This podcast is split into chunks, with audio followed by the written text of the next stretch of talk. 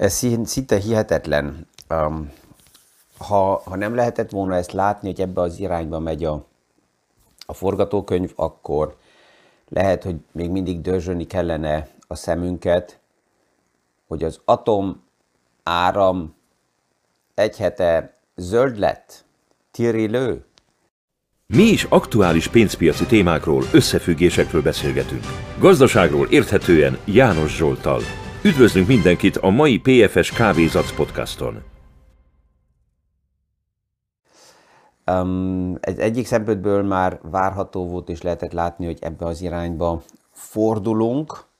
Uh, legkésőbb, miután az Európai Központi Bank is és az Európai Unión is jelezték, hogy az energia transformációba rengeteg pénz rendelkezésre fog állni, hogy ez megtörténjen, és ott tisztán látható volt már az elmúlt év folyamán, hogy az atomlobby itt nagyon-nagyon erősen mozdul, hogy ehhez a pénzhez hozzáférjen, és a régi, nagyon öreg atomerőműveket így a privát szektor pénzével lehessen renoválni. Na ja, Um, az aktuális helyzet ugye az energiafüggőségből, hogy kimenjünk, ez um, lehetővé tesz szinte mindent. Um, németül van egy olyan közmondás, hogy in the not frisst Teufel fliegen, tehát hogyha rá van utalva, akkor az ördög legyetek, legyeket is ez e, e, reggelizik. Tehát az atomenergia zöld. Az érdekes most az lesz a következő lépés, hogy az egyik függőségből ne menjünk a másik függőségbe, mert azért nem szabad elfelejtsük, hogy nagyon sok atomerőmű Európába milyen technológiai forrásból van? Tará, orosz. Tehát itt az egyik függőségből az energia oldaláról a másik függőségbe menni, ez, ez még érdekes lehet. De hát megy ebbe az irányba a téma. Ez persze, hogy egy nyomást gyakorol azokra az energia, alternatív energiaforrásokra, ami tisztán zöld, tehát e, semmilyen e, ilyen, ilyen érdekes mellékterméket nem gyárt, mint az atom. Amit ugye egyszerű félretaszítani, mert majd az ők unokáinknak az ők unokái esetleg majd azzal a problémával dolgozhatnak, mert olyan hosszú időtávokban lehet ott gondolkozni de hát mivel őket nem ismerjük, ezért egyszerűbb az irányba dönteni. Tehát nyomást gyakorol a zöld verziókra, mert mindig, amikor van alternatíva, akkor csak a tőke persze, hogy annak a rentabilitását is bevonja, és mm, az nem olyan egyszerű. A hétvégén még ugye a kedvenc marketinges bohócunk is fellépett újra a színpadra Elon Musk. Ez is hát szinte már várható volt, ebbe a körbe erről beszélgettünk, hogy az a, az a lépése, hogy a Twittert átveszi, az nem olyan egyszerű, és az az ígérete is, hogy 54 dollárral vásárolja ki a Twittert a tőzsdéről, ez a Twitter részvényeseknek tetszett volna, még messze van az egész sztori attól, hogy a végére kerültünk volna, ez körülbelül szűk duplán akkora árfolyam, mint ami pillanatnyilag a Twitternek az árfolyama, és um, kijelentette Elon Musk, hogy akkor ez a deal nem jön létre. Ott úgyis az volt a kérdés mindig, hogy ki fogja őt a bíróság elé hurcolni, lehet, hogy még a nap végén mindenki, a felügyelet, azért, mert egyszerűen olyan formában játszik a piacokkal, ami így ez 2022-ben nem fogadható el, vagy a menedzsmentje a Twitternek, vagy a részvénytulajdonosok, mert árfolyam manipulációk történtek, most megvan az a verzió, hogy körülbelül egy milliárd dollárjába fog kerülni ez a színészkedés, mert abba az átvételi dealbe van egy olyan paragrafus, ami azt jelzi, hogyha ő kiszáll és eláll attól, hogy megvásárolja a Twittert, akkor egy milliárd dollárt kell fizessen. És ezt biztos, hogy a menedzsment próbálni fogja behajtani. Most azt így lehet mondani, hogy oké, okay, a leggazdagabb embernek egy milliárd dollár, hát az a portokasszából fizethető. Abár rájöttünk, ugye időközben azt is láttuk, hogy egy ilyen e, nagy felvásárlást még neki sem annyira egyszerű megfinancírozni, e, és itt a partnerek is időközben ráfáztak, a bankok is, akik finanszírozták volna, nem, nem annyira lelkesek, tehát még neki sem annyira egyszerű egy ilyen dílt lebonyolítani, tehát az egy milliárdot, hogy honnan fogja előszedni, ezt majd, majd, majd látni fogjuk. Na ja, de mindezek mellett mi a legfontosabb ma? Július 11-e. Normálisan olyan témákról beszélgetek, ami nem, ha lehet, nincsen dátumhoz kötve, mert akkor ez független, de a mai dátum ez nagyon erősen ugye jött velünk szembe, és a média is ezt nagyon felfújta, a gázárakba is ezt lehetett látni, hogy a mai naptól a Nord Stream 1, tehát az északi um, gázbeszállítási vonala le van állítva. Hivatalosan ez normális menet, azért, hogy a karbantartás miatt a turbinákat és az egész rendszert um, lehessen átvizsgálni. És itt most persze, hogy a média is ezt nagyon erősen felfújta, és attól tart, um, a, így a közvélemény is, hogy esetleg Putin talál itt valamilyen kis kiutat, hogy ne, ne tudja újra, hogy ne kelljen újra elindítani a gázbeszállítást. És egy téma van, ami úgy tűnt, hogy ez neki segítene, mert mi nekik segítettünk, hogy ne induljon el újra a gázbeszállítás. Ez az egyik speciális turbinának, erőmű, meghajtó erőnek, erőműnek a, a beszállítása, mert a szankciók azok azt jelentik, hogy Oroszországba semmit nem szabadna beszállítani, sem új nyersanyagok, sem alkatrészeket, sem egy ilyen rendszernek az alkatrészét, amit egyszer kiszállítottunk, ugye Kanada végzi a karbantartás ennél a turbinánál, de úgy tűnik, hogy találtak egy jogi kiskaput, amivel be lehet szállítani ezt a, ezt a turbinát újra, és ez persze, hogy tetszik Európának, tetszik Németországnak, mert ezen keresztül a gáz tovább jöhet, nem tetszik azoknak, akik a szakciókat még erősebbre szeretnék kapcsolni, mert azt mondják, hogy ezen keresztül ki van kerülve a szankció, és így lágyulnak a lépések. De ja, az nem kérdés, és mindenki, aki a szankciókon nagyon lovagol, azt újra és újra hozzá lehet tenni, hogy mit tennénk egy menedzsmenttel a szabad gazdaságba, amelyik annyira függő helyzetbe hozza a vállalatot, hogy például 80%-ba csak egy beszállítótól függ a vállalatnak a, a működése, akkor egy ilyen menedzsmentet nedves törőközővel lehetne kergetni azokat a politikusokat, akik ezt megtették az elmúlt évtizedekben, és még ma is nagyon lovagolnak az orosz függőségen, azokat még nem látom, hogy hol hajtanák az emberek. De hát ki tudja, hogy még mi lesz. 21-én, 10 nap múlva fogjuk látni azt, hogy akkor újra be lesz -e kapcsolva ez a gáz visszaszállítás, és az érdekes az, hogy pont 21-e mint dátum összejön egy másik nagyon fontos dátummal ebbe a hónapba, az Európai Központi Banknak a gyűlése, és itt fogjuk látni, hogy akkor Christine Lagarde valójában megteszi-e azt a lépést, hogy 0,5%-kal emeli az eurozónába is a kamatot.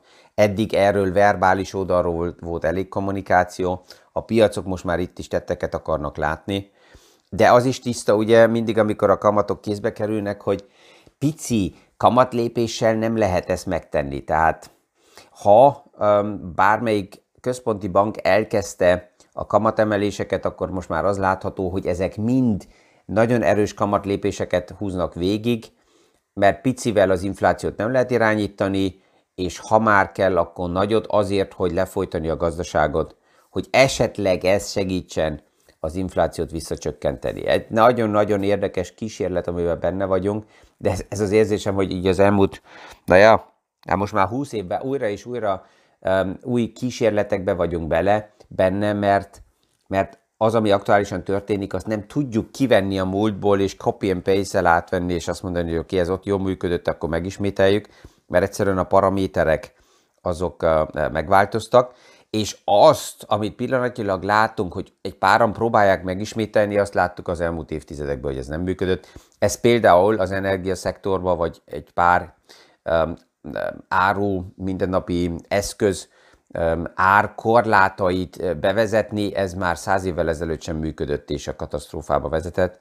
Tehát ezt remélem, hogy itt sokkal kritikusabban és szélesebben vitatják Európába tovább, hogy mennyire érdemes ilyen, ilyen ár, ár felső szintekkel az embereknek azt szugerálni, hogy állítólag a politika vagy a kormányok az árakat tudnák irányítani, mert nem tudják.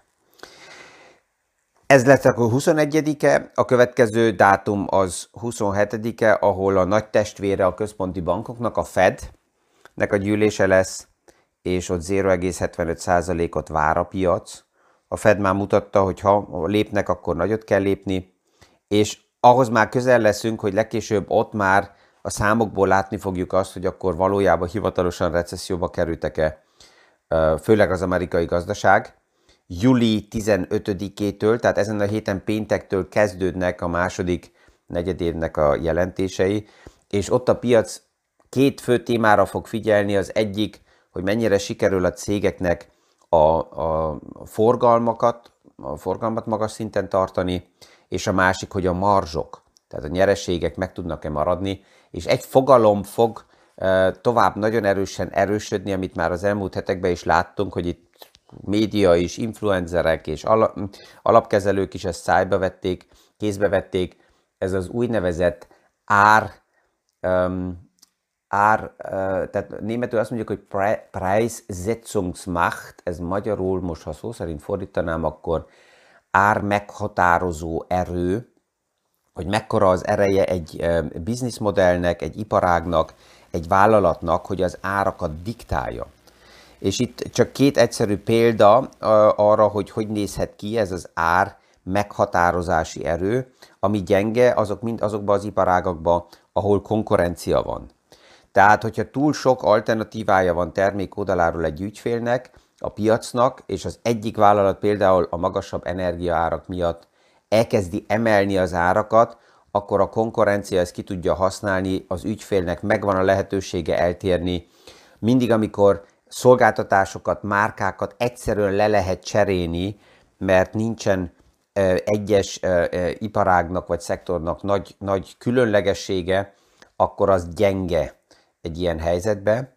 Az erős ármeghatározó erő akkor van, amikor speciális termékekről van szó, magas minőségű termékekről van szó, egyedül álló piaci helyzetről van szó, tehát olyan termékek, amit nem lehet olyan egyszerűen kicserélni, és ezt fogja főleg ezen a héten a piac figyelni, hogy melyik iparágnál mennyire ragaszkodik a piac, az ügyfél ahhoz, hogy a terméket újra tovább is megvegye, annak ellenére, hogy az árak mennek felfele.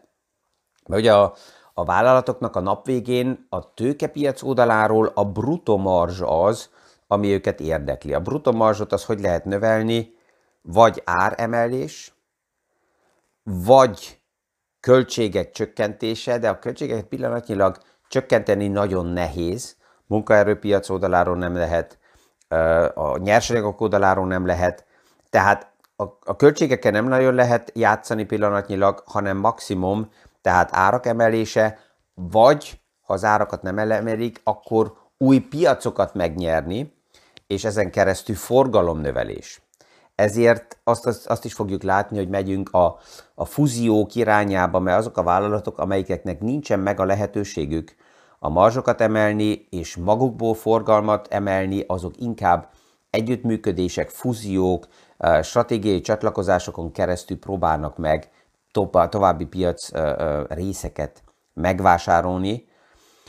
Ilyen függőségek, ugye, ahol, ahol egy iparág nem tud kimenni egy részből, és ezt ugye az energiaszektorban látjuk, tehát hogyha azt nézzük, akkor Oroszországnak pillanatnyilag megvan az ár meghatározó hatalma, ha tőzsdét néznénk, akkor ez a tőzsdének alapjába tetszene, mert az energia oldaláról diktálja, hogy mi történik Európában. De ugyanez lehet az IT szektorban, hogyha különböző olyan speciális szoftvereket ö, ö, bocsájt ki valaki, és a piac ezt elkezdi használni, akkor itt megvan a függőség, mert olyan hamar nem lehet kiszállni egy ilyen szoftverből, tehát hogyha annak az ára emelkedik, akkor az ügyfél, a piac ezt az emelkedést ki kell fizesse. Az egészségügyben, a, a fáma szektorban vannak ilyen nagyon speciális megoldások, ahol az árakat lehet emelni. Olyan szektorokban, ahol valakinek mint monopól helyzetből van szolgáltatása és nagyon egyedülálló, ott van egy nagyon erős hatalom az árakat irányítani. Ha nagyon erős márkákról beszélünk, itt vegyünk globális márkákat, amik már évtizedek óta léteznek, egy Coca-Cola, egy Apple, ami, aminek akkora az ereje, hogy szinte minden, hogy mindegy, hogy milyen helyzetben van a piac, a márka nevet megveszi a fogyasztó. És jönnek további lényeges pontok, amire eddig nem figyeltünk, de ezt most már elemzők megnézik, hogy egy bizonyos cégnek mekkora a függősége például a beszállítóktól. Mennyi beszállítója van, minél több beszállítója van egy vállalatnak, annál stabilabb a bizniszmodell, mert nem függ attól, hogy egy beszállító kezdi neki az árakat vagy a, a beszállítási problémákat átadni. Azt is megnézi, egy Bloomberg kiértékelés mutatja ezt éppen fel, hogy mennyi, mennyi ügyfele van egy vállalatnak. Tehát akinek csak kevés ügyfele van, az függő helyzetben van. De ez sem új. Ezt már látjuk évtizedek óta, főleg szolgáltatóknál is, akinek csak egy vagy két speciális ügyfele van, és bebeszélte magának, hogy á, ő a minőségen keresztül kevés ügyfelekkel foglalkozik csak, ez függ az ügyfelektől. Hogyha egy ügyfél elmegy, akkor összeomlik esetleg a, a business modele, hogyha egyes termékekre van túl rá specializálva, ez ugye Apple-nél mindig egy, egy kritika, hogy az iPhone-nak a dominanciája az egyik oldalon a piacon nagy, ez jó, de a másik Apple-nek egy nagyon nagy függőséget ad, mert több mint 50%-a az éves forgalmaknak állandóan egy termékből jön, és ez nem jó a függetlenség szemszögéből nézve. Um, a másik, hogy ha valaki, mint, mint vállalat beszállító, akkor inkább azok legyenek függőek tőle, akiknek ő beszállít, és nem fordítva. Tehát ezeket a paramétereket, és ezt látjuk, hogy a számok is, amik kijönnek, ezeket ma a piac sokkal érzékenyebben, részletesebben és pontosabban megnézi, mint egy pár évvel ezelőtt, ahol csak az volt, hogy mars, és az volt, hogy forgalom, ez elég volt. Ma már jobban a forgalom és a mars mögé néz a piac, és felteszi a kérdés, hogy ez honnan jön. Mi okozza azt, hogy esetleg nagyobb a forgalom, csak fantázia az túl kevés. És az a kérdés lesz a következő, ami most elindul, hogy mikor indul el a következő rotáció. Még egy évvel ezelőtt, két évvel ezelőtt elkezdtünk arról beszélgetni, hogy a növekedő szektorból, a growth szektorból történik a rotáció a value szektor irányába. Most már indul a háttérbe, és még egyszer, a média ezt még nem hozza. Véleményem szerint minimum egy évig ezt még nem fogjuk a médiába olvasni, de mégis már a háttérbe elindul az a kérdés, hogy mikor indul el a következő rotáció a value-ból a growth irányába. És itt vannak egy páran, akik kapkodják a fejüket, és mondják, hogy a growth, hát meg nem, nem láttam a számokat, hogy milyenek. Na ja, pont ez az érdekes, hogyha a piacnak sikerül stabilizálódni, és meg, megtalálni a mélypontot, akkor általában a kockázatos szektorok, a tech szektor az, amelyik legelőször reagál. Ezt már ugye az elmúlt hetekben egy párszor hallottuk um, Katie Woodtól is. Rá még külön kitérek, mert az ő neve is megjelent egy érdekes, egészen másik összefüggésbe, ami megint ezt mutatja, hogy a, a piacoknak mikor lehet megállapítani, hogy a mélypontjára kerültünk, mi kell történjen. A Nesteknél kiértékelte Bloomberg azt, hogy um, milyen állapotban is vannak azok a vállalatok, amelyek a Nestek indexbe jegyzettek. És megnézték azt, hogy hány százaléka a jegyzett cégeknek vesztett 2021 februára óta, az volt a csúcspontja a Nestekbe, tehát hány százaléka a jegyzett cégeknek vesztett több mint 50 százalékot értékbe a csúcstól. És itt összességében pillanatnyilag szűk 54%-a azoknak a cégeknek, amelyek a Nasdaq-ben jegyzettek, több mint 50%-kal vesztett.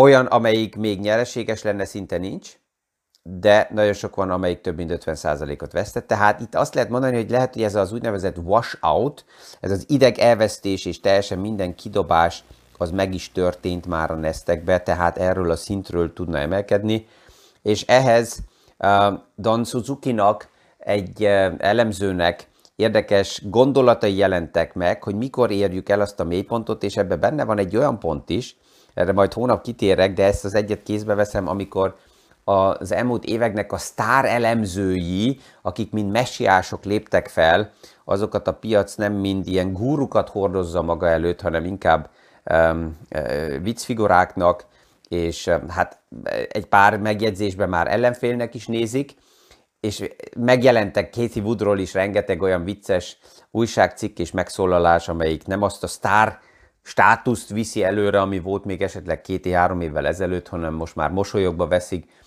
tudomásul a piac, hogy Katie Wood milyen víziókat ad magától. Tehát ezek mind olyan jelek lehetnek, de erre majd hónap kitérek, hogy milyen paraméterekből lehet körülbelül a piacba felmérni, hogy már elértük a mélypontot, vagy még van lefele. Ezzel, mint mindig, hétfő reggelente kellemes hetet kívánok mindenkinek, sikeres tárgyalásokat és a viszonhallásra a hónap reggeli PFS Kávézatsz podcastig. Mi is aktuális pénzpiaci témákról, összefüggésekről beszélgetünk. Gazdaságról érthetően János Zsoltal. Üdvözlünk mindenkit a mai PFS Kávézatsz podcaston!